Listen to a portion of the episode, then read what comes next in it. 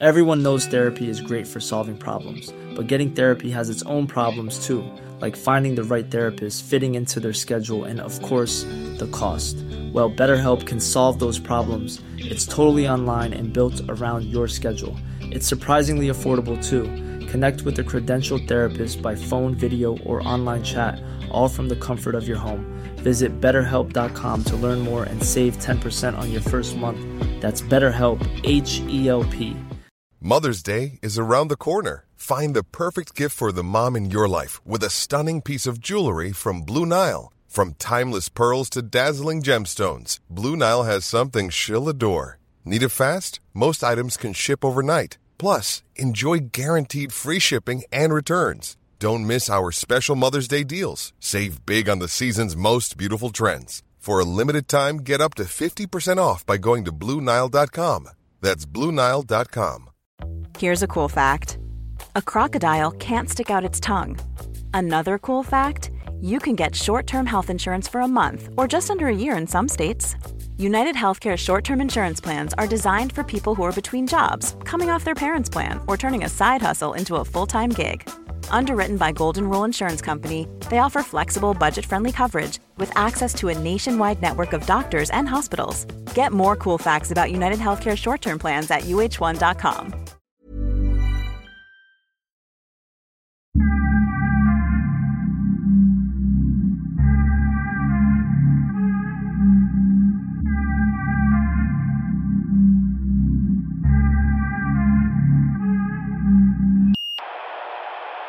Vad är det du har mer för papper? Är det, är det, är det, all propaganda du ska få Ja. ur dig under det Det här? här är, det här är sånt vi har i Närke och det är alltså då, kan titta.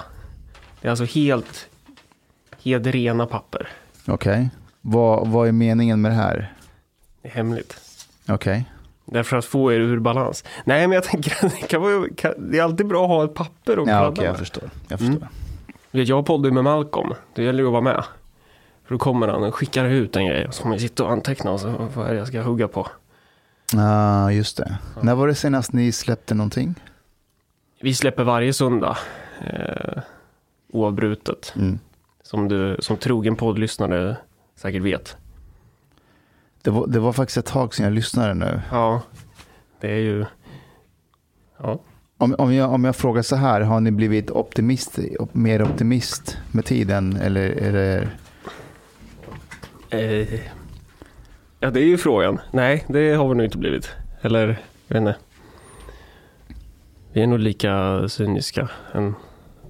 Han, han, bara, han, bara smyg, han bara smyger igång så här poddandet. Vi, vi, Nej, vilka men jag är vi? tänker Jag missade. Marcus Han- och Malcolm. Han pratar om, han, han insinuerar att jag och Malcolm är dystra. Och liksom inte är så optimistiska. Det känns, jag har, alltså, jag har märkt att folk som typ ger sig in i offentligheten, Ja, de börjar ofta sansade. Sen nio av tio gånger så spårar de alltid ur. ja, Alltså de blir mörkare, mer dystopiska, Ja. cyniska. Eh, eh, men så här, lite, lite halvbittra. ja. Och jag, jag tror att jag, jag hade ehm, lika väl gått igenom det också. Eller kanske skulle kunna vara på väg där. ja. Eh, men ehm, jag tror att jag jag tror att absolut att jag har den personligheten att jag skulle kunna göra det. Men jag har omgett mig med så kloka människor. Ja. Alltså typ, jag menar, om jag skulle gå in och skriva något jätte så dystopiskt så, så tror jag att en sån som Ashkan skulle bara, du vad händer? Har du tagit din heroin för jag, idag? jag twittrar dystopiskt ibland. Ja det gör det faktiskt. Okej, Ashkan kanske inte skulle, Ashkan skulle bara, mer, mer. Ja, men jag, är- jag är inte bitter. Jag, jag ser att det är en del av utvecklingen. Det är kulturell evolution. Du behöver kulturellt krig för att kulturen ska evolvera. Sen behöver vi kanske inte 192 skottlossningar i augusti månad år 2021. Det kan vi undvika. Men kulturellt krig är i sig inget negativt. Du måste ha krig för att få evolution. Det är så företag blir bättre. Det är så nationer har uppstått och imperier har uppstått. Men tror du på det där själv eller? Vilket då? Att du inte faller ner i cynismen som alla andra? Jag tror att jag eh, faller ner i cynismen men att jag inte försöker visa det så mycket utåt. Varför inte då? Därför att det känns som att man går längs en väg till slut när man vaknar så bara fuck, jag typ det finns bara en sorts, eller en viss sorts människor som lyssnar på en. Så här, och så fastnar man i den fällan att okej, okay, nu har jag typ en publik och jag ska, nu måste jag underhålla just den här publiken. Mm, du menar så. Mm. Eh, Medan jag tjafsar ju med min publik ganska mycket och utmanar dem. Och... Men du har ju redan, redan där har ju du definierat din målgrupp och din publik. När du är rädd för att få en annan målgrupp på. Nej, nej, nej. Det handlar inte, det handlar inte om att vara rädd heller. Det handlar om att så här. Ja, men du vill väl ha... Är det inte där du uttrycker en oro för att du ska trilla ner i cynismen? Typ? Ja, ja.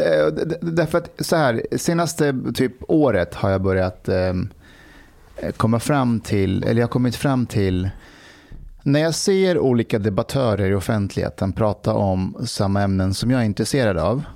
Nu, nu, nu skriver Marcus Allard ner i sina tomma papper. Han har med sig så här fyra ark tomma papper. Och jag, jag tror det här är någon, det här är någon skrämseltaktik tror jag, mot oss. Att, jag vet inte om han är någon så KBG-grej eller eh, någon så Gulag. Vi ska, vi ska till Gulag sen efter det här när han har kommit till makten med Örebropartiet. Nej men kolla här. Mm. Eh, när jag ser olika eh, debattörer i offentligheten prata om, om samhällsproblem. Vänta. Så, när du ser, vad sa du? När jag ser olika debattörer i offentligheten prata om så samhällsproblem som jag också engagerar mig för. Jag börjar ställa mig frågan, om jag hade gått till de här personerna och sagt så här, du, jag har det här paketet och det här paketet innehåller massa lösningar. Så allt det du ser framför dig, det skulle faktiskt kunna bli ganska mycket bättre ska vi köra på det här? Då har jag kommit fram till att många av de personerna skulle säga, va, nej, nej, men då kan inte jag twittra massa dystopiska saker om, om, eh, om utvecklingen. Så här. Då har jag inget syfte längre med typ sociala medier. Så eh, det finns människor som vill att det ska gå åt helvete så att de kan säga, haha, jag hade rätt, mm. ser du, jag hade rätt. Man bara, ja, jo, du hade rätt, men nu är vi alla nere i skiten. Så här, mm. Nu då? Förstår du lite vad jag är ute efter? Nej.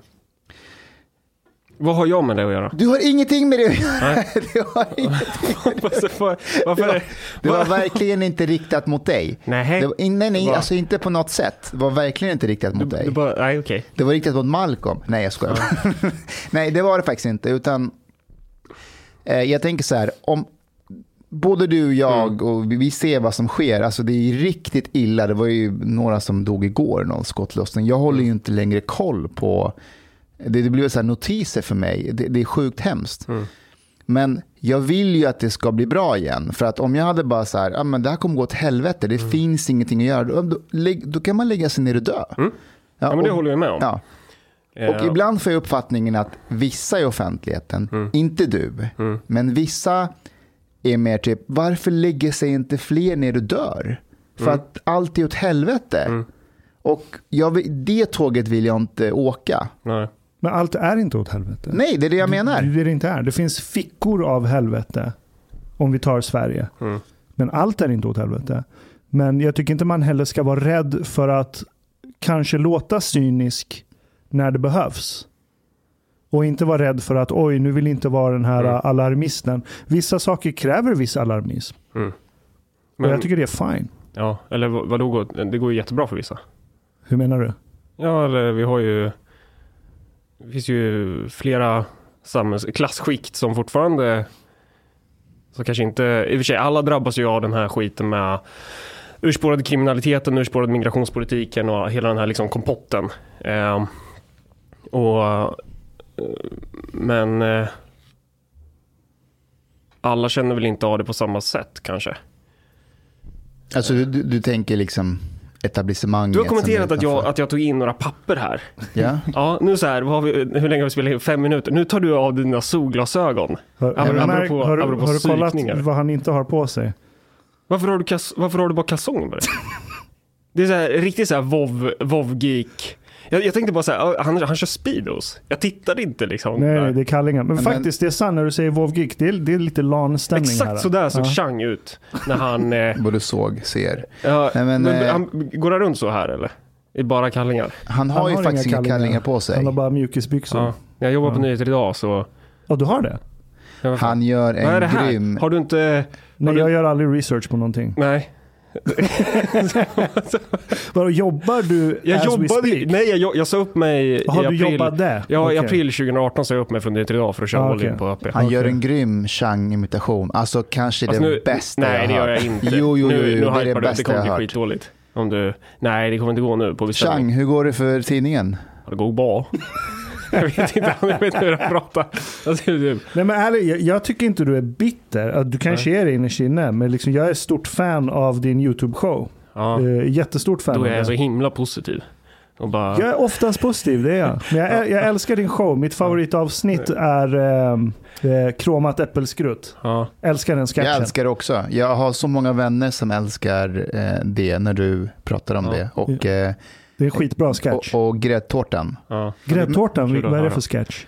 Har du inte hört gräddtårtan? Eller är det, är det, är det Det är, nästa? det är första klippet som gick viralt. Jag tänkte så här, ja, jag, jag, jag satt ju och filmade min... min eh, för- alla, alla de här kommunfullmäktige-klippen eh, livesänds ju. För kommunpolitikerna kom fram till innan vi kom in. Bara så här, det är bra för demokratin om vi livesänder Fan vad allting de så, ångrar sig nu. så, att de kan, så man kan få se hur, hur det ser ut i Örebro kommunfullmäktige. Det är ju lite måste så här lyssna. alibi som... är ju budgetdebatten Nej, avslutad nej. och er budget har gått igenom. Eh, och nu är det då dags för er att gå lös på färdtjänsten. Och eh, från Örebropartiets sida så är det ingen tveksamhet här, utan det här är bara ett rakt jävla avslagsyrkande. Jag förstår inte vad ni håller på med. Alltså vi har ju redogjort, det finns ju massor av områden vi kan spara pengar på. Det här argumentet om att nej, men det finns inte pengar till det här. Det gör det ju visst det, det handlar ju om hur man prioriterar. För att nämna några exempel då. då. Eh, vi skulle kunna dra in 4 miljoner på Örebrokompaniet. Vi skulle kunna halvera politikerlönerna. Det skulle ju rendera eh, i runda slängar ungefär 10 millar.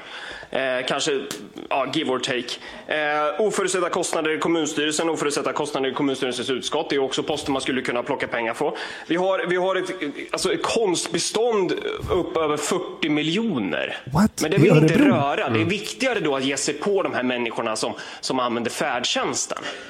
Det, det, är ju eran, det är ju eran faktiska prioritering. Det är så vidrigt. Det är så otroligt jävla vidrigt måste jag säga. Det tycker jag. Alltså, nej, jag gillar inte det här alls. Alltså.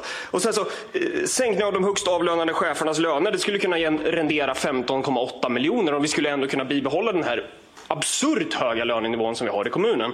Eh, vi skulle sp- kunna spara in 3 miljoner på konferens och representation. Vi skulle kunna spara in 15 miljoner på de här kommunikatörerna som ni prompt måste ha kvar. Men det är färdtjänsten. Färdtjänsten ska ni gå på. Bara fikat. Bara fikat till alla kommuner. Eller till alla politiker i den här kommunen. Det är 300 000 som ni sitter och fikar för. Ni vräker i er gräddtårta på skattebetalarnas bekostnad. Och nu ska ni gå lös på färdtjänsten. Det är helt otroligt. Helt otroligt. Jag har redogjort nu för kanske fem... Men du, när du står där och, och gör det där. Så här, om man skulle liksom söka på diplomati Mm. så skulle man inte vilja se en, en, en video med Marcus Allard. Liksom. Men äh, du är ju inte där för att få dem på din sida. Alltså det beror nog på. Eh, Jag har ju aldrig sett mig som en, som en diplomat. Nej. Men jag, jag har ju härjat kring en del eh, nere i Afrika. Med, det så var jag nere i Mali i Västafrika och sen var jag en kort visit i Somaliland för att bevaka presidentvalet åt Nyheter Idags räkning. Eh, nyhet, sånt, som, sånt som man gör på Nyheter Idag. Eh, och de, många av de kan där... inte du härma Chang när han Nej, sa till dig, nej, åk jag ska ner, jag åk ska ner till. Somaliland. Låt han vara. Åk ner till, åk ner till så sa han inte. Det var, men de afrikanska politikerna, många av dem, eh, de, de, de tyckte att jag, att jag skulle bli en väldigt bra diplomat. Jag, jag, jag vet inte om jag skulle bli det. Men, eh, men det, det, det, det där som du är inne på, det, är ju lite, det tangerar ju lite det där som du pratade om i början också, det här med cynism och riskerar man inte kanske att alienera vissa människor och du vet, det blir samma tankegång. Eh, och, det, och, och jag har väl fått lära mig rent praktiskt att det är ingen, det är ingen idé att försöka vädja till någon jävla förnuft för det är hål i huvudet på de där jävla makthavarna. Och det, är, Men- ing- det är ingen idé att försöka ha en dialog eller diskussion med... Men när du till exempel står där och säger så här 15 miljoner på kommunikatörer. Ja. Jag tror inte det finns någon i Sverige, såvida de inte är kommunikatörer själva, som tänker nej men 15 miljoner låter rimligt på Jo, kommunikatörer. jo! Va, gör det? Ja! ja men vad fan What? tror du? Varför tror du vi lägger 15 miljoner på kommunikatörer? Alltså det här är ju... det, det är ju det som är grejen, att många blir så här förvånade över att det ser ut så här i kommunfullmäktige, men det är så här det ser ut. Det är så här det ser ut. Eh, Hur, hur många kommunikatörer är det? Vet du det? Jag vet inte fan vad siffran är nu, men de där, in, de där siffrorna är inak- inaktuella, för i senaste budgeten så hittade jag ju ännu mer. Eh, jag har ju fyrdubblat reformutrymmet på, på tre år och fortsätter gräva. Så att, så att det, finns, det finns nog mer pengar att, att skrapa in där. Sen, sen kan man ju titta på vad de här människorna gör på jobbet. De har ju, eh, alltså, jag vet inte om det är där, om det är kommunikatörerna eller om det är HR-avdelningen som driver, eh, jag vet inte om ni har lyssnat på den, Sveriges bästa chefspodd. Nej. Nej, för- har inte det. Nej, vad är det? Berätta. Nej, det är, det är tydligen en podd de driver i Örebro kommun. Och det är, liksom, det är sånt här skit de gör på jobbet. Eh, så det, alltså det, det finns ju väldigt mycket pengar att hämta inom offentlig sektor. Eh, och att då försöka komma in och vädja så här. Ja, jag tror att det här är en dum idé. Vad säger ni? Kanske skulle det inte vara mer konstruktivt att försöka satsa på välfärden? Det, det här är ju klassintressen. Alltså de här sugsnablarna som de har i in i den offentliga budgeten, det är ju, de behöver ju det, det är ju för att reproducera sig själva som klass. Så att det går inte att vädja till någon förnuft, det är helt idiotiskt att ens, ens försöka ha en diskussion. Så här, det, där är ju, det där är ju filmatiserat när topplocket går på mig. Jag har ju suttit i timmar och försökt bara hålla i mig och bredvid sitter Peter Springare och suckar, han är väl lite mer härdad kanske, liksom. han, ännu mer cynisk än vad jag är. Är, är han också med i Örebropartiet? Ja, det är han. Alltså vad fan. Ja, ja. Det här är ju sådana här förkunskaper som bara ska, det ska ju bara sitta liksom. Det är jag och han som sitter i KF för Örebropartiet då. Okej. Jag, jag hade ju koll på det, men, men, men Marcus, alla har inte koll ens på vem Peter Springer är. Jo. Ka- kanske alltså, kanske de som lyssnar på oss, men, Ja. men om vi ska bli international. Med. Ja, just det. Ja, då, ja, ja, nej men okej då. Men, eh, ja, men då sitter man där och man försöker liksom hålla i sig själv. Och, men till slut så, det går ju fan inte. Eh, och, och det där var ju inte ens meningen att det skulle komma ut, utan det var ju, jag kom hem, kände att, vad är det jag håller på med? Eh, och så filmade jag den här livestreamen som jag pratade om då, när, som, som de har på kommunhemsidan. Jag filmade med mobilen och så la jag ut den på, på Örebropartiets Facebook. Och då hade vi typ, jag vet inte om jag hade typ 2000 likes eller någonting. Och så, sen loggade jag in i World of Warcraft med Malcolm. Och så, så, och så satt jag där och avreagerade mig. Vad har du för gubbe? Ja, alltså nu spelar jag ju tyvärr inte för att jag, Ah, okej. det går, det går, mina IRL-gilder går ju åt helvete om jag, Ja, just det. mm, riktiga gilden och Örebropartiet går ju åt helvete då. Men eh, jag har ju alltid spelat Dwarf Warrior Protection. Orangehårig. Okej, level? Eh, ja, det beror på vilken expansion, men, men eh, då körde vi Classic. Ja. Så då höll jag väl på att typ traggla runt i Ungora Crater innan jag bara, nej fy fan, nu skiter jag i det här. Ja, okej. Men eh, eh, alla som har spelat WoW förstår exakt vad jag pratar om nu. De, de, de kan relatera. Jag har ingen aning om vad ni pratar Jag om. var Nej. faktiskt betatestare till WoW. Ja, det är... Men det sög, för det var inte så många inne då, jämfört med sen när det släpptes. Nej, det är, ja, WoW är bra. Eh, det är du, du som är afghan. Alltså det, WoW, det slår ju heroin eh, tio gånger alltså. Det är liksom bara man hör så här, musiken till Elwin Forrest, man blir ju helt... Det är som att vifta med en spruta framför någon typ. Jag har aldrig spelat det. jag- Det enda jag har spelat är så här Fifa. That's Ja. it. Var var jag någonstans? WoW? Eh, Malcolm? Jo, la vi spelar WoW. Ja, Mm. Exakt. Och så vid något tillfälle säger Malcolm bara Fan, det här klippet har typ 300 000 views typ. Och så kollade vi och då var det typ mitt i natten eller någonting. Alltså det gick väldigt fort och så blev det tokviralt. Eh, Men, du, sen- men när du står där och säger det om gräddtårtan och, Ja. och, ja, äppelskrutt och det där. När du är klar sen, är det någon där, förutom Peter Springare, som säger Fan Marcus, bra jobbat. ja, och det är ju det värsta. Och det är det. Idioterna som står bakom besluten bara, bra sagt. men det, men, och, och det är det som är så här. Ja, jag vet inte, det, det, det, det blir nästan att man tappar hoppet ännu mer. För kommer, att, kommer de anonymt efteråt och ser det? ja, vissa dig? gör ju det. Eh, Det är ju vanligare att liksom borgerliga politiker kommer fram då. Men jag tror att det skulle vara likadant om, om, eh, om det var det så kallade högerblocket som styrde istället för, nu är det ju sossarna, KD och C. Eh, och sen vissa är ju så här militanta försvarare av ett kromat äppelskrutt. Eh, så då är det ju så Men det här. här är också roligt, för även om det här är varför du aldrig kan bli en diplomat. För även när människor kommer fram till dig och säger så här, fan det där var bra, så Mm. kallar du dem för idioter. Ja men de är ju idioter. Mm.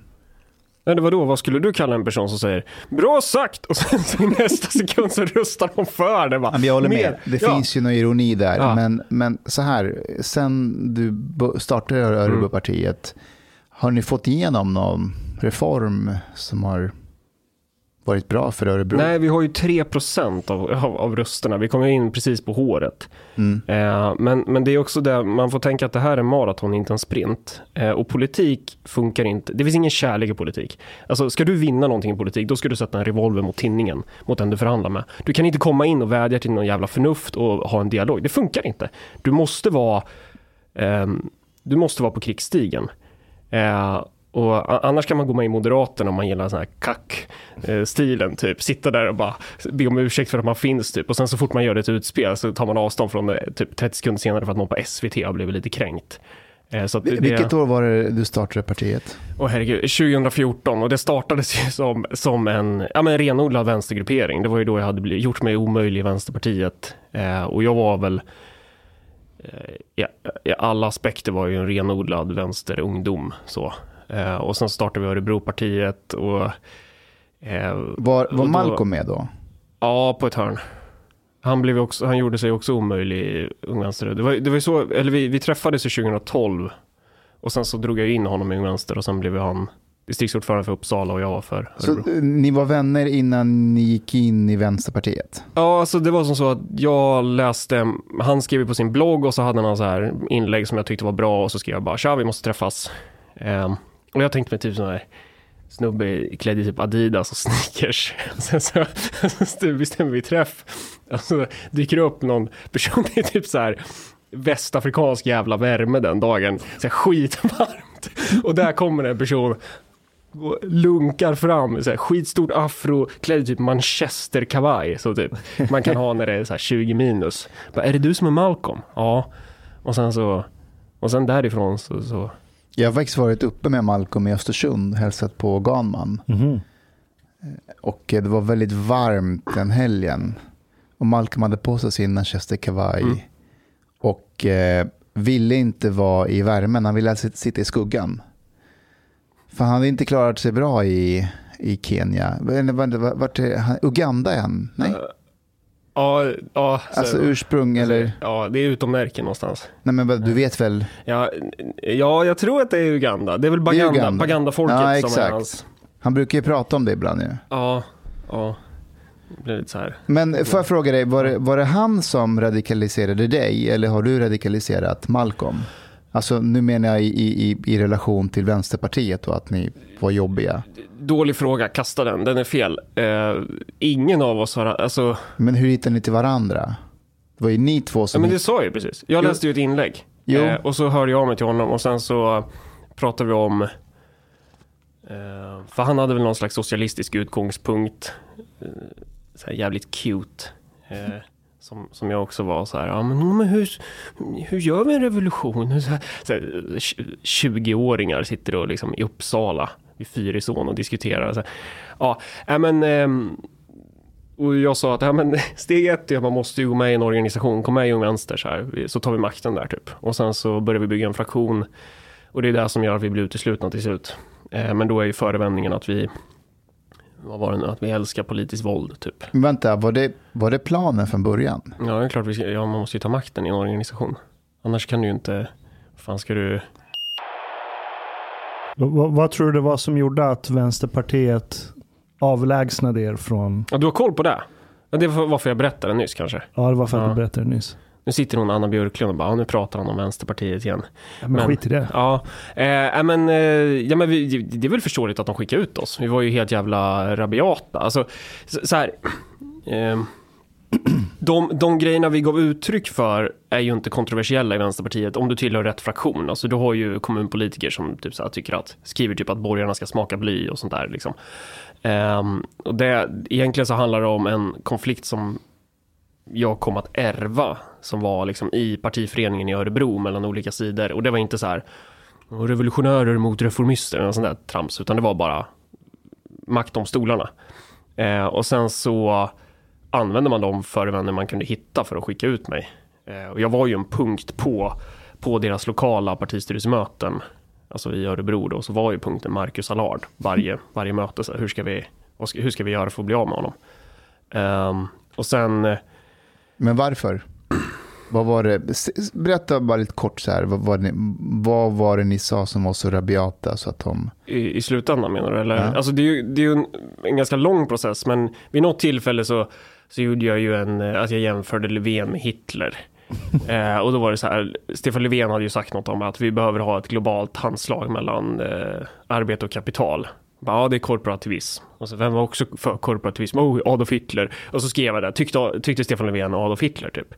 Eh, och då var ju det, och det är så här, ja, eh, jag ser väl inte det som världens största problem så. Och det är också så här från typ en 20-årig snorunge i ett ungdomsförbund. Men då blev det ju drev på det där.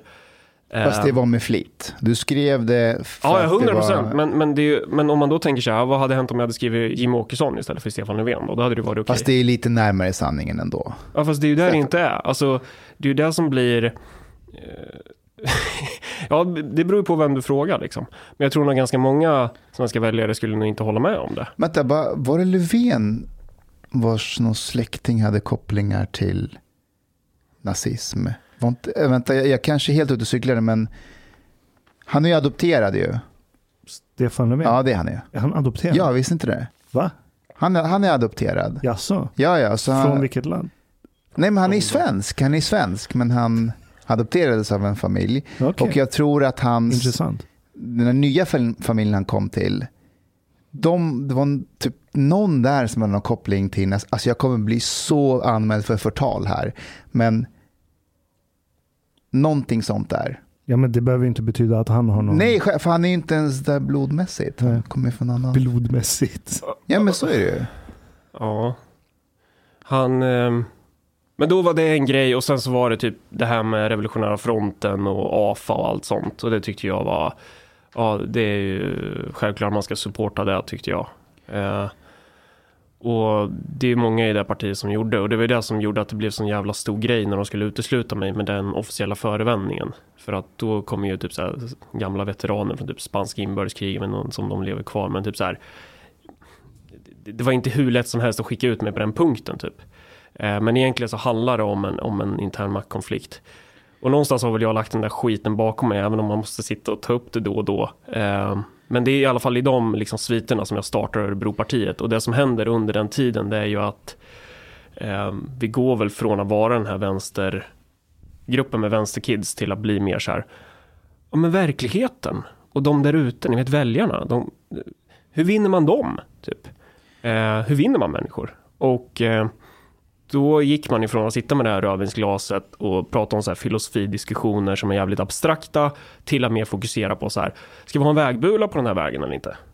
Och, och om man nu i efterhand ska gika loss utifrån någon slags marxistiskt perspektiv, för jag ser mig fortfarande som en marxist, även fast vänstern hatar mig. Eh, och jag avskyr dem, för att jag tycker att de de har väl lämnat marxismen för ganska länge 100 sedan. procent. Sen, sen sitter ju så här höger-Twitter och bara Åh jävla marxister! Men det är så här. På tal om eh, vänstern. Ja. Jonas Sjöstedt är ute med en bok, Ja, just det. sina memoarer typ.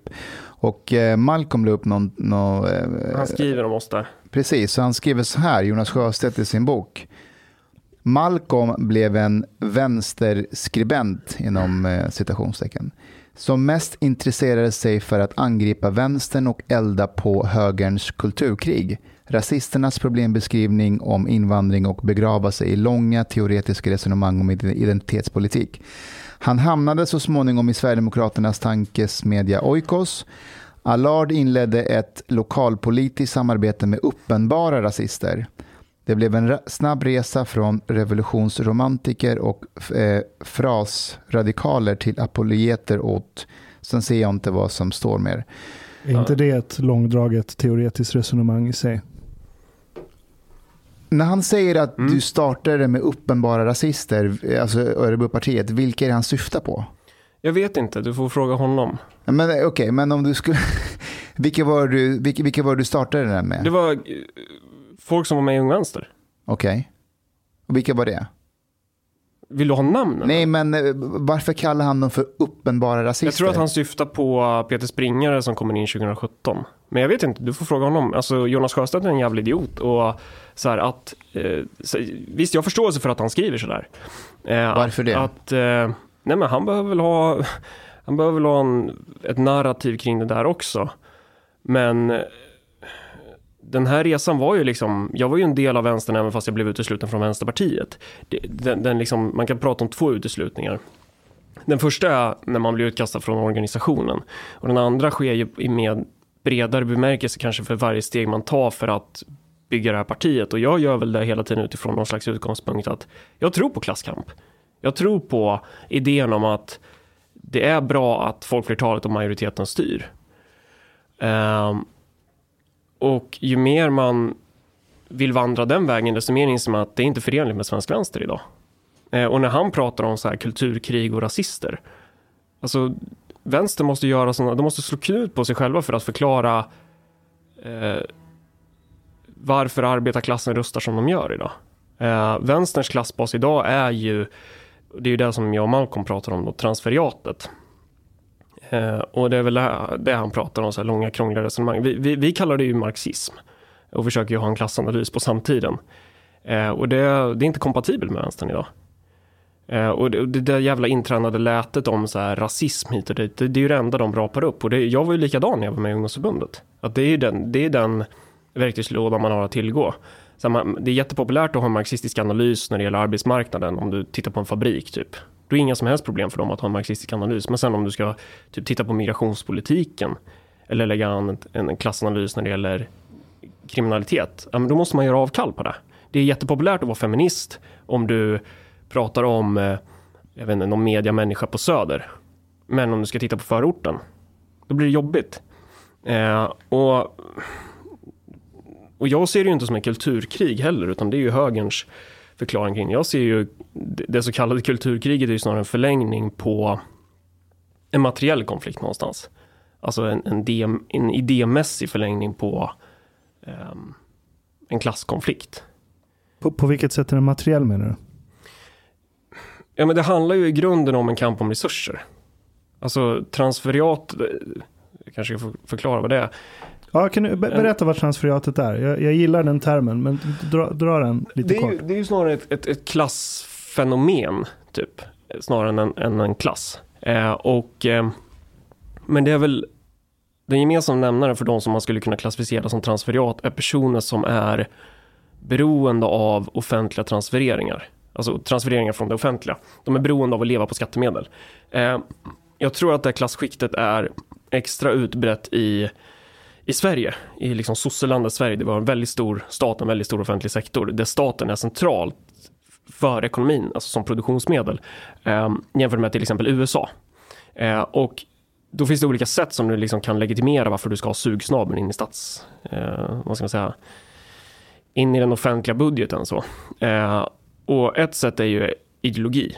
Så många inom transferiatet är ideologiproducenter. Där, där hittar du journalister, det är eh, kronikörer, kulturarbetare, konstnärer, hela det här, kommunikatörer, hela genusvetenskap, mångfaldsstrateger, människor som jobbar med gender budgeting och jämställdhetsintegrering och massa sådana här hittepå ord. Hållbar, hållbarhetskonsulter. Ja, alltså det, det är ju också skitpopulärt, alltså världens undergång. Att livnära sig på det också. Eh, och, och ta fram då eh, policydokument mellan kommunen och civilsamhället och allt vad det heter. Och det är massa dravel. Det är bara en massa jävla dravel. Och så fort du attackerar det så drar de det ideologiska svärdet som försvar. Jaha, men du, du är klimatförnekare. Jaha, ja, du hatar jämställdhet. Okej, du är rasist. Eh, och det är ju så man ska förstå när vänstern använder de här termerna. Det handlar inte ett skit om om att de ska liksom stå upp för invandrare eller någonting, utan det handlar om att de försvarar sin klassbas. Och det är dags att man ser igenom det.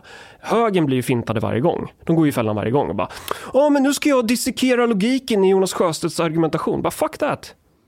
Så han, han, har ju en, han har en tydlig agenda, vänstern har en tydlig agenda.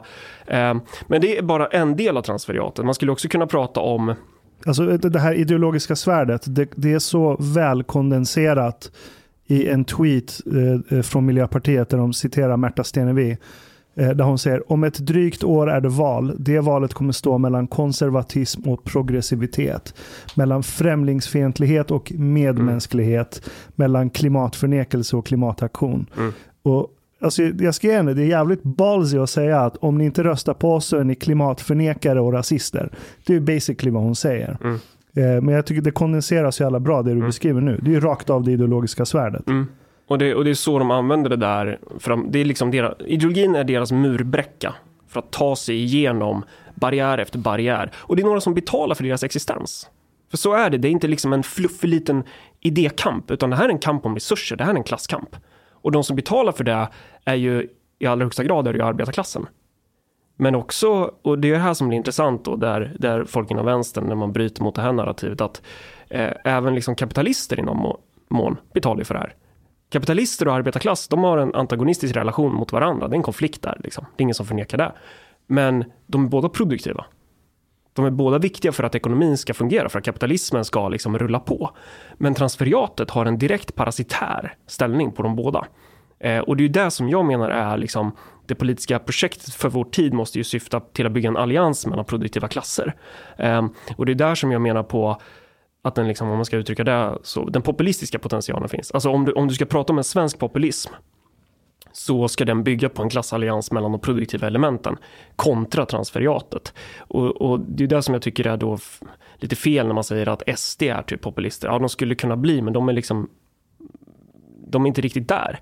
Eh, jag ser ju en potential för att bygga den typen av, av politisk kraft. Men till transferiatet också så finns det också ett annat unikt klassskikt som jag skulle säga är ganska unikt för Sverige och för vår tid. Och det är ju migranter, alltså transferiatmigranter. Och då pratar jag inte om personer som du kan använda som man har gjort historiskt, där man använder liksom invandrad arbetskraft som murbräcka för att pressa ner lönerna för proletariatet, alltså för arbetarklassen. Utan här pratar vi om människor som inte ens har en chans att kunna bli en del av produktionen.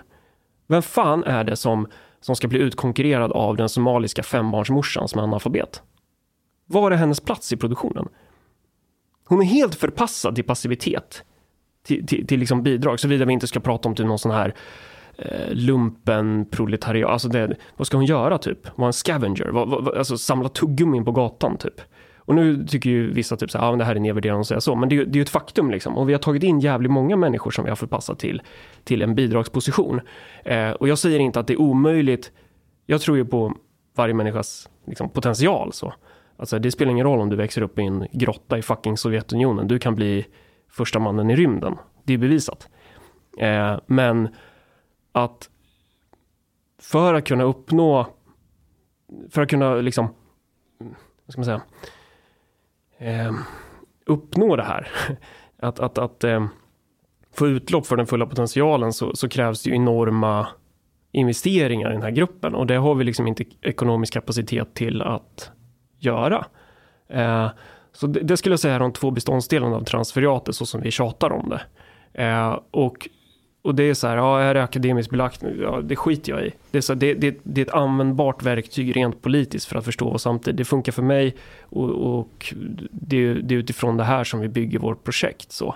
Eh, och den, det, det, som jag har sett som typ kontrasterar det här, det är liksom personer som de vill utkämpa dagens materiella politiska konflikter i sin farfars uniform. Typ. Att de, de står och tjatar om så här eh, ja, men nutter som står och pratar om att Jimmie Åkesson är nazist eller att Jonas Sjöstedt är kommunist. Båda är lika fel. Båda är, det här är fetischer som man använder för att man trycker in egenskaper i det här. Liksom, för att, ofta för att förklara sitt egna nederlag. Typ.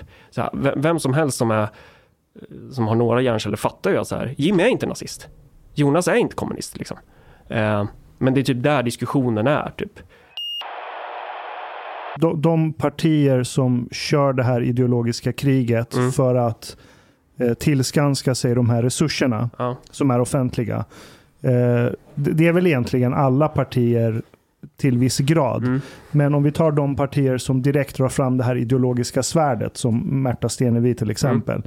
Där skulle jag med ganska stor trygghet kunna placera in till exempel Vänsterpartiet, Socialdemokraterna, Miljöpartiet, till en stor del Centerpartiet numera också. Mm. Liberalerna har väl börjat gå bort från det där lite grann nu, eh, i och med att Nyamko kom in. Eh, men de här partierna tillsammans har ju nästan hälften av rösterna. Mm. Vad tror du det är som gör att så kallade vanliga människor som faktiskt tillhör produktionen supportar den här, det här transferiatet som egentligen vill ta deras resurser? Alltså det där är ju en väldigt stor fråga. Ja, jag vet. Ehm, Det här, är, det här är Men- en lång podd. Ja, ja det är bra. Eh, men, men vi, vad ska man säga? Fan, två timmar räcker ju inte för det där svaret. Det är ju, men så här. Eh, politik är mer. Politik är mer än bara eh, att man går runt och tänker så här. Jag är den här klassen och jag står i motsatsförhållande till den här. Det är ju inte så det funkar. Eh, och det är ju inte som att de går ut och skriker eller liksom att innehållsförteckningen är så här. Vi är till för transferiatet. Vi är till för parasiterna inom offentlig sektor så att de ska kunna äta på bekostnad av undersköterskorna. Eh, utan man marknadsför sig på lite annat sätt. Eh, det är en hel diskussion om så här, ah, men vilka preferenser det som styr och så vidare. Sen så, så här, ja visst, det vänstern är ju det man skulle säga är vänster, vänsterplan halva dagens politik, de är ju mer klassmedvetna för transferiatet idag. Alltså vänstern har ju bytt ut sin klassbas successivt, även sossarna i någon mån. Eh, man gör ju den resan att man, man har gått från att vara av och för arbetarklassen till att bli av och för en minoritet. Eh, och en del av transferiatet, och det är det som blir, det är lite så här, man får försöka tänka att det här är inte liksom fasta former utan det är lite mer flytande typ. Men att en del av det här är byråkrater och politiker också. Jag menar, fan jag är väl någon form av transferiat. Jag är ju, jag är politiker. Eh, Malcolm är ju, vad är han? Kulturarbetare. Eh, kanske man inte ska säga, nu kränker jag honom. Han jobbar på, han, men, men att, att så här, så vi, vi, vi, vi är ju där, ehm, vi är ju där också, så man, man får ju se vad, när är de här verktygen användbara och inte. Men eh, gällande, för jag fattade som att du sa lite så här, ja men högern är ju, högern är inte lika crazy som vänstern när det gäller just transferiatet typ. Men de, där du ska titta på, men vilka är deras, vilka är egentligen de primära klassintressena för svensk höger då? Alltså egentligen så är de det på ett sätt. Om vi tar till exempel att Moderaterna eh, på Twitter och offentligt är väldigt kritiska mot public service och vilken roll de ska ha. Mm. Men sen när det väl kommer till kritan i riksdagen eh, så låter de det passera att public service ska bli skattefinansierat med vad är det, 8-9 miljarder per Mm. år. Och det är ju ett ganska tydligt tecken på att nej men, de kan faktiskt skita i vart de står så Mm. länge de vet att de säkrar sin framtid Mm. rent politiskt. Genom att vara allierade med public service. Och, och det som är jobbigt för högern är att de står ju någonstans med två ben, nu pratar jag i bred bemärkelse, men kanske med, med tonvikten på Moderaterna, att de står ju någonstans med två ben i den här konflikten. Att dels så har ju Eh, ja, men det som du skriver nu, att de krälar inför public service. Eh, och, och, och för mig, de, det är ju bara retorik där. Eh, de, så här, de, de radikala förslagen som de kommer med, det, det, de lägger de fram 20 år för sent typ. Efter att de typ så här kollat sig över axeln 40 gånger och frågat sin kompis på SVT om det verkligen är okej att tycka som de gör. Eh, men rent klassmässigt så det man märker i alla fall lokalt när de blir som argast det är ju ifall man tycker att så, ah, men vi ska inte subventionera friskolors handläggningstid. Vi ska inte lägga skattepengar på att eh, personer ska lajva företag i offentlig sektor. Eh, då blir de riktigt upprörda. De slåss också om staten som produktionsmedel. Alltså deras kapitalism är en suga på, det är sosses suga på tutten kapitalism. Liksom. Det är det här, eller suga på sossestatens tutte. Eh, där hittar du ju svensk höger idag. Och där tror jag att man kommer få se en konflikt mellan de elementen och typ småföretagare, mellan typ Puttes Rör AB, alltså mer eh, någon hybrid mellan knegare och, och företagare. Eh, för att det är ju de som betalar för skiten genom skatten. Och, och det för mig väl någonstans till att så här, du kan föra en klasspolitik för arbetarklassen idag och du kan se det som en marxist samtidigt som du kan förespråka en skattesänkning. Det, det, det är liksom, och, och någons, i, i- svensk politik idag så har vi någonstans fastnat i att så här, ja, men det är vänster mot höger. Så här, det är, vi ska ha jättestor stat kontra, vi ska ha eh, minskad skatt, du vet, individ, det här dravlet. Och jag ser det inte så, utan jag ser det mer att det är en konflikt mellan olika intressen typ. Eh, Så hade jag haft ett riksdagsparti, det har ju inte jag. Jag jag är bara, varför är jag här överhuvudtaget? Jag, jag, jag har ju bara 3% i Örebro. Det är så här, vem fan är han? Han är helt... i- Jag, har ju ingen makt än. Så. Eh, Men om jag skulle ha det, om vi leker rent teoretiskt, Ja. då jag hade ju fan sett till att sänka skatterna rejält för knegare alltså. Och all, all sån här jävla bensinskatt, konsumtionsskatt, all sånt drabb, bort med skiten. Det där finns bara till för att vi ska nära parasitärt klasskikt. Alltså jag vill, ju, jag vill ju maximera produktionen någonstans. Och det är ju det som gör att jag kan hitta gemensam grund med många från högern. För att de som röstar på Örebropartiet, de ser sig ju knappast som marxister. Vissa gör det. På våra introträffar, då kan det sitta en kille som har, han har liksom studerat Marx, typ. Bredvid en snubbe som har varit med i sossarna jättelänge, varit fackligt aktiv. Bredvid en snubbe som driver eget företag. Bredvid någon tant som har varit med i SD. Bredvid, alltså hela spektrat någonstans. Men där du inte hittar är ju transferiatet. Så att du hittar liksom människor från olika politiska läger och, och det är där jag ser potentialen någonstans att äta av alla de här. Att det, det är där den, liksom, om vi ska använda det begreppet, populistiska potentialen finns. Om vi använder populism som ett begrepp som betyder typ folket mot eliten. Inte då att jag lovar guld och gröna skogar, för jag är från Närke, jag tror inte på, tror inte på positiva visioner överhuvudtaget. det, det där har jag märkt när jag diskuterar med eh, traditionella högermänniskor Mm. ganska ofta. att i, I den svenska diskursen är det inte så många som vet vad marxism egentligen är. Nej. De blandar ihop marxism med kommunism och socialism. Visserligen är de två senare sprungna ur marxismen Mm, eh, på ett sätt. Alltså, du, du kan vara marxist utan att vara socialist, menar jag. Utan att vara kommunist för den delen heller. mm, Du kan fortfarande göra klassanalysen och köpa det som enligt mig är ett faktum. Att den som styr produktionsmedlen, mm, den kommer alltid sitta högst upp i näringskedjan. På samma sätt som godsherrarna ägde all brukbar jord och på samma sätt som industrialisterna ägde fabriken, i alla fall i början eh, av den industrialistiska kapitalismen. ja, Och då är det inte en så konstig långdragen analys att om du bygger en stat där du har en extremt stor offentlig sektor som Sverige mm, så är det ett sorts produktionsmedel där du kommer få en klass som kommer klättra väldigt högt upp i näringskedjan. Sen är det inte så svart på vitt. Vi har, liksom, vi har som du kallar det, transferiatet. De är en del av produktionsmedlen. Eh, sen har du fortfarande industrialister och storföretagare Mm. som också är högt upp på en annan näringskedja. Och, och, och det som är, man får ju vara lite flexibel i sin, för det som är väldigt populärt, det märker man med folk som är ganska nya inom politik, de vill ha de här hermetiskt slutna formerna liksom. Och nu har jag min pusselbit, den ska passa överallt. Ja. Eh, politik är så jävla, det, det som gör politik svårt är ju att det är rörelse hela tiden. Det är liksom inte som när du ska skicka en satellit till en planet, liksom, planeten ändrar inte storlek. Planeten har en bestämd omloppsbana, du kan liksom beräkna det. Men politiken är ju mer flum, alltså nu låter jag ju helt flummig, men så här, saker, det är mer rörligt. Men det är någonstans. ett kaotiskt dynamiskt Det- ja, system. exakt. där. Det är inte Eh, linjärt. Och det, och det är också det som gör att det blir, när folk då ska lägga an sina perfekta former på realpolitiken, när Miljöpartiet ska lägga an sina, alltså sin rädda världen-form, det får konsekvenser. Men inte bara när politiker gör det, utan du har ju också transferiatet inom byråkratin. Och det är ju också någonting som vi trycker mycket på, eller jag gör i alla fall, att så här, det är knappt, politiker styr ju knappt längre. De sitter ju som ett gäng jävla fågelholkar och bara tittar på vad tjänstemännen presenterar på bordet. Eh, så att, så att, och så var det ju inte förr när vi hade liksom sossepampar som pekade med hela handen och bara så här eh, Anderssonska bygglov. Det är så här, du vet. Det var den lokala starke mannen typ. Och det fanns ju nackdelar med det också. Men att det som fattas idag är någonstans politiska kadrer. Alltså, eh, vad ska man säga? Ja men politiker som tar för sig och som faktiskt strävar efter att ha makt. Eh, titta på svensk höger. Det är ju fan det sista man skulle kunna säga om dem. De är, de är ju rädda för makten. De här politikerna är ju livrädda. Det är som ett gäng jävla piloter som har, de har gått pilothögskolan och sitter i planet, inte för att köra flygplan, utan för att kunna supa i sig taxfree längst bak. Men Alltså, man får- varför är de rädda för makten? Ja, det är ju jävligt obehagligt att få makt. Mustafa Panshiri kan ju säga till en, men du, har du tänkt på det här? Det kanske skulle vara bättre att tänka sig, alltså, eller typ någon i media kan, kan komma liksom och, och ifrågasätta om man har gjort fel beslut. Det här arvodet vi får, det är ju fast. Jag kan ju, jag kan ju spela WoW varenda jävla dag, jag kommer få mina jävla 70 pappen då. Det är ett trasigt system. Det är någonting som är fucked up när det är så. Eh, och det var inte tanken att det skulle bli så, utan det här, det här, hela vårt politiska system byggdes ju av partiet med stort P.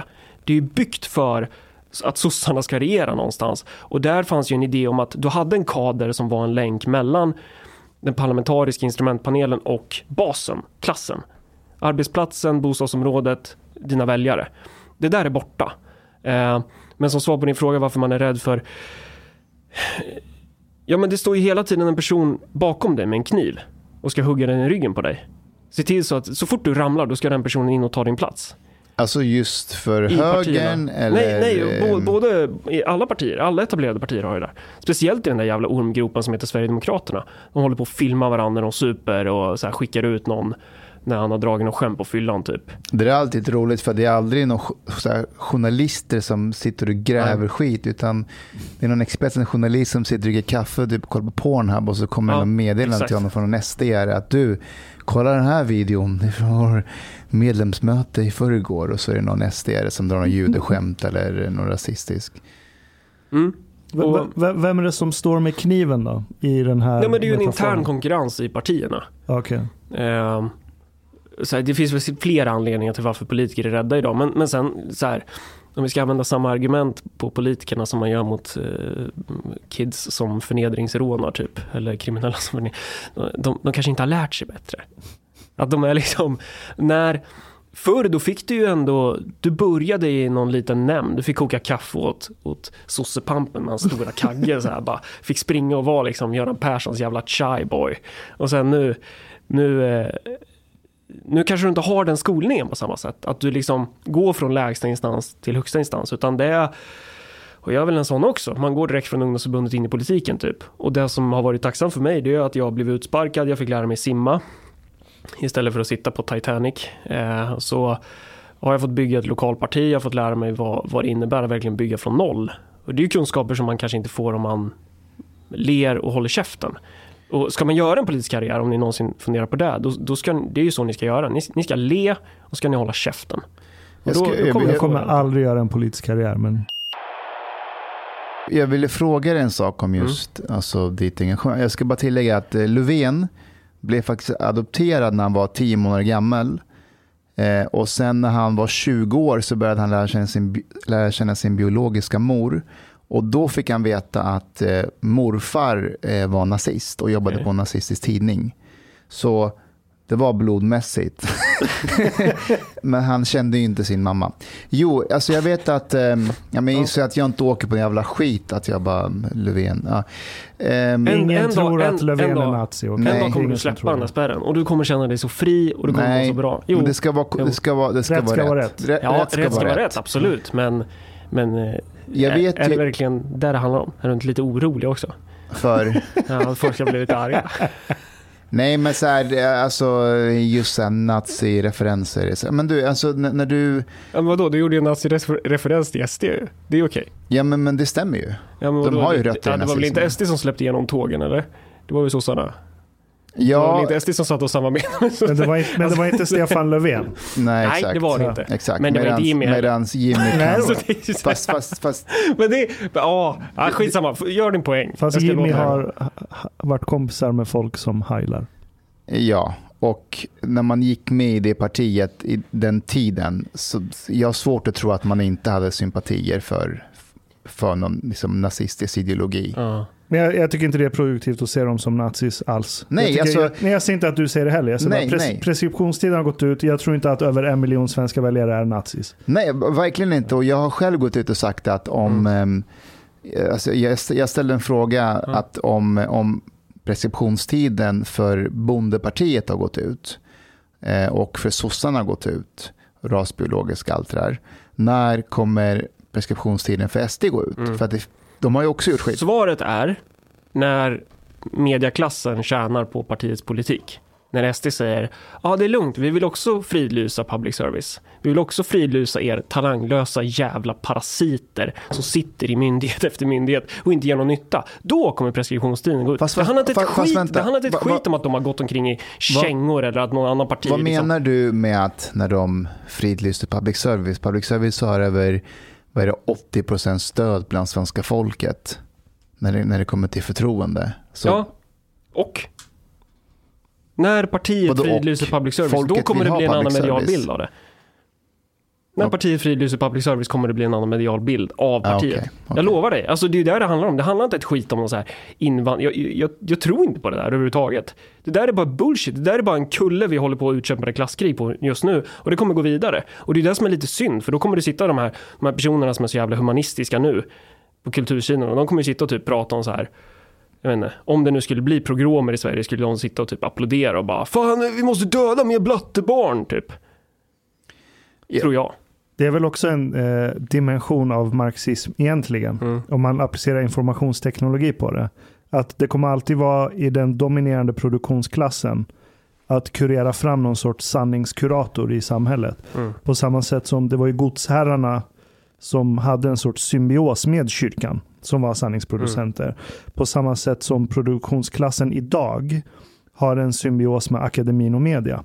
För de göder varandra. Det, det är inte svårare än så. Nej. Sen betyder det inte att det, det är ett hemligt rum där folk sitter och dricker whisky och Absolut konspirerar. inte. Nej, exakt. Det är en så här naturlig kaotisk utveckling av samhällskroppen. Mm. Det finns inget egentligen ont uppsåt bakom där, som jag ser det. Nej. Jag, jag tänkte fråga dig, alltså du, eh, jag, jag vet ju att du, du, du jobbar ju väldigt hårt, alltså dag och natt Mm. i princip. Och när det är val så sover du knappt, har jag fått höra från Malcolm. mina olika källor. Ja. Eh, Jag, jag, jag tänker, finns det... mm, det är Egentligen är två frågor. Finns det en risk för att du kan gå in i väggen? Ja. Eh, ja det- Okej, snabbsvar. Och eh, när i närtid måste du, tänker du om du pratar med dig själv, se någon viss resultat av det du håller på med för att du ska orka jobba vidare med det du gör? Och, och om du inte ser det, vad, vad händer då? Alltså, förstår du lite vad jag menar? Ja, när ger jag upp? Ja, lite så. Alltså jag borde ju gett upp någon gång mellan 2014 och 2018 typ. Chang satt ju bara skit i det där jävla partiet. Det kommer inte bli något. Nu, nu, nu failar jag med mina till imitationer. Ja, när, när jag ska göra det. Men eh, att eh, ja, men han höll ju på att tjata om att så här, ja, men man, man ska skita i partiet typ för att det är bara jag förstår honom ju. Jag höll ju på att traggla med ett jävla kommunparti utan makt. Så här, inga pengar, jag hade lagt in mina sparpengar där. Men jag tror att jag är hjärnskadad.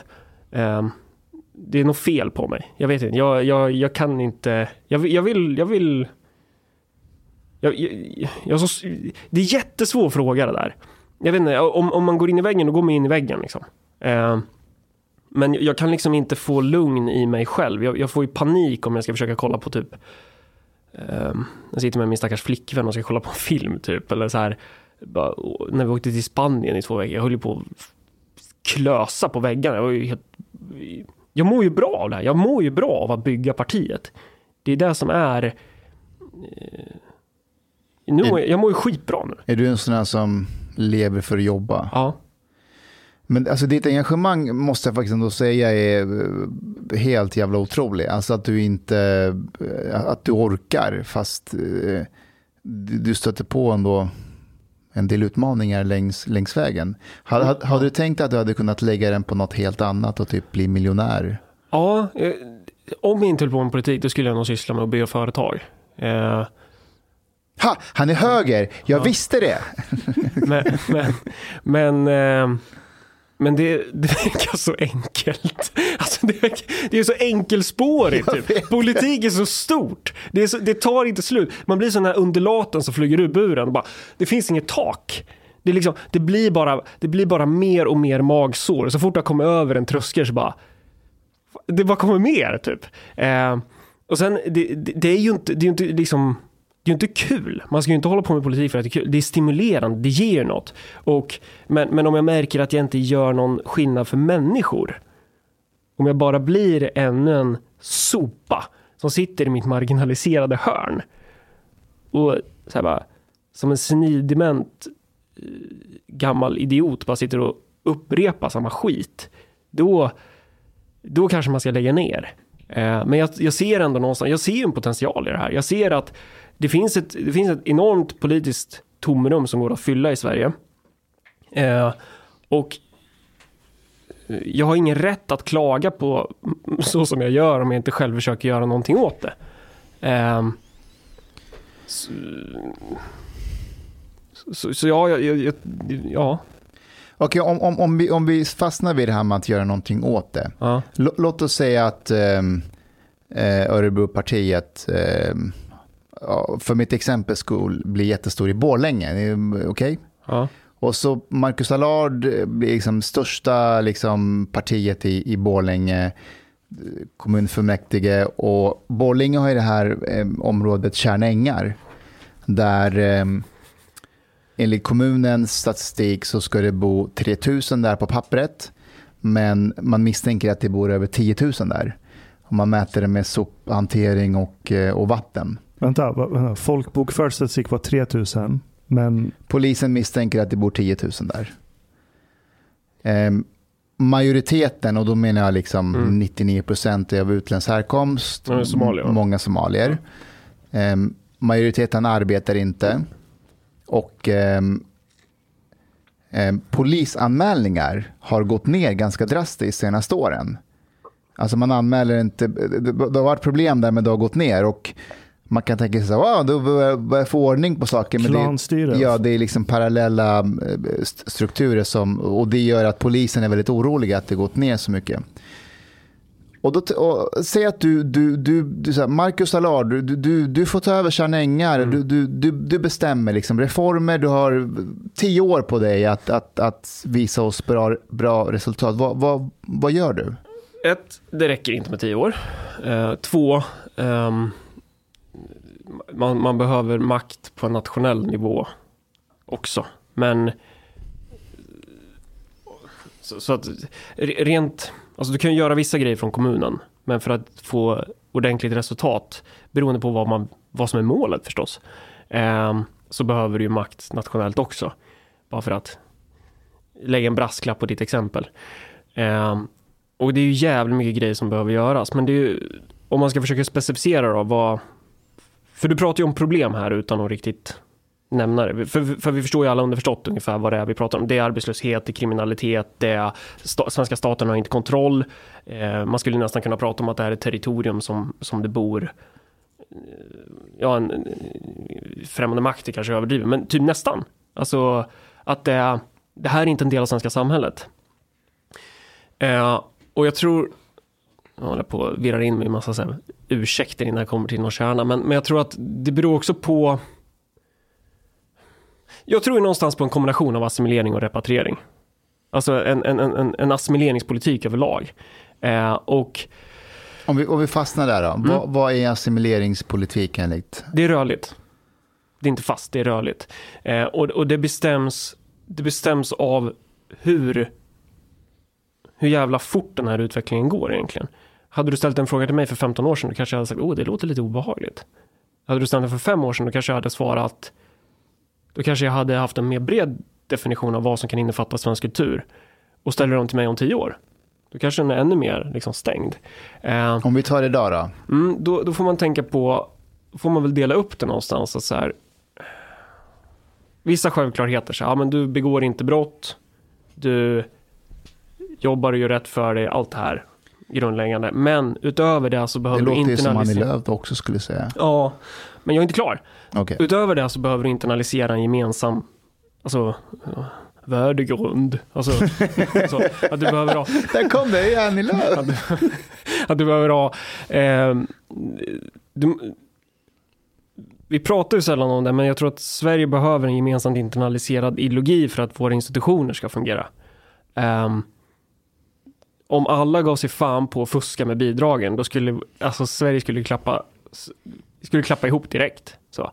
Eh, Det är inte för att liksom Peter Springare eller Mustafa Bashir eller Hanif Azizi står med batongen i högsta hugg och säger fuska fan inte med bidragen. Det är inte det som gör att svenskarna inte fuskar.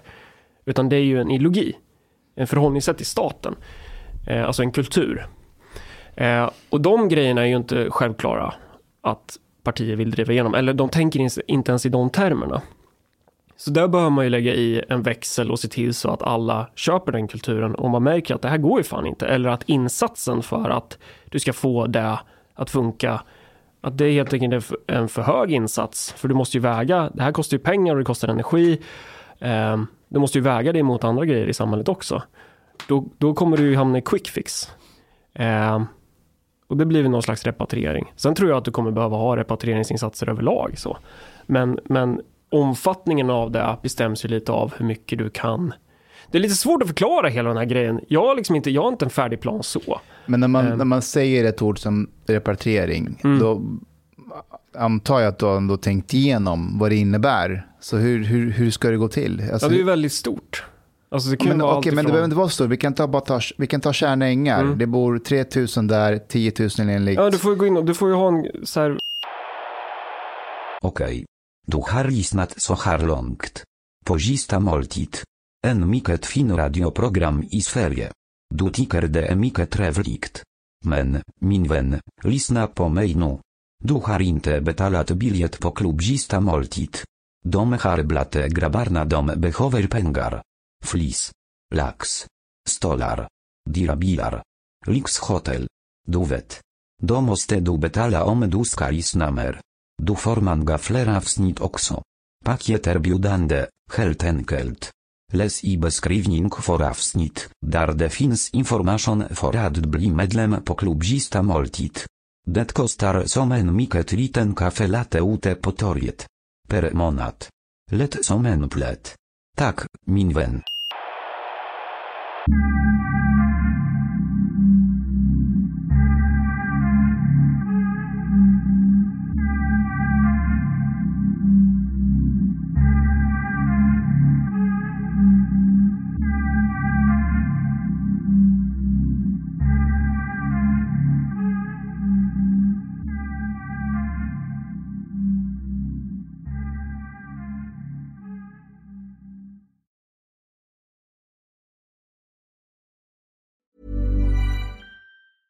Hey, it's Danny Pellegrino from Everything Iconic. Ready to upgrade your style game without blowing your budget? Check out Quince. They've got all the good stuff shirts and polos, activewear, and fine leather goods, all at 50 to 80% less than other high end brands. And the best part? They're all about safe, ethical, and responsible manufacturing. Get that luxury vibe without the luxury price tag.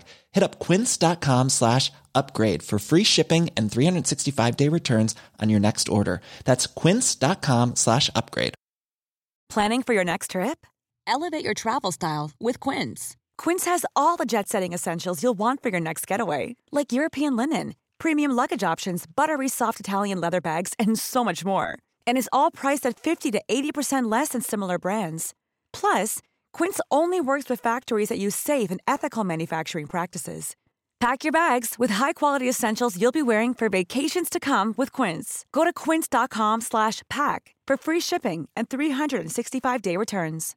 Imagine the softest sheets you've ever felt. Now imagine them getting even softer over time. That's what you'll feel with Bowl and Branch's organic cotton sheets. In a recent customer survey, 96% replied that Bowl and Branch sheets get softer with every wash. Start getting your best night's sleep in these sheets that get softer and softer for years to come. Try their sheets with a 30-night guarantee. Plus, get 15% off your first order at bowlandbranch.com. Code BUTTERY. Exclusions apply. See site for details.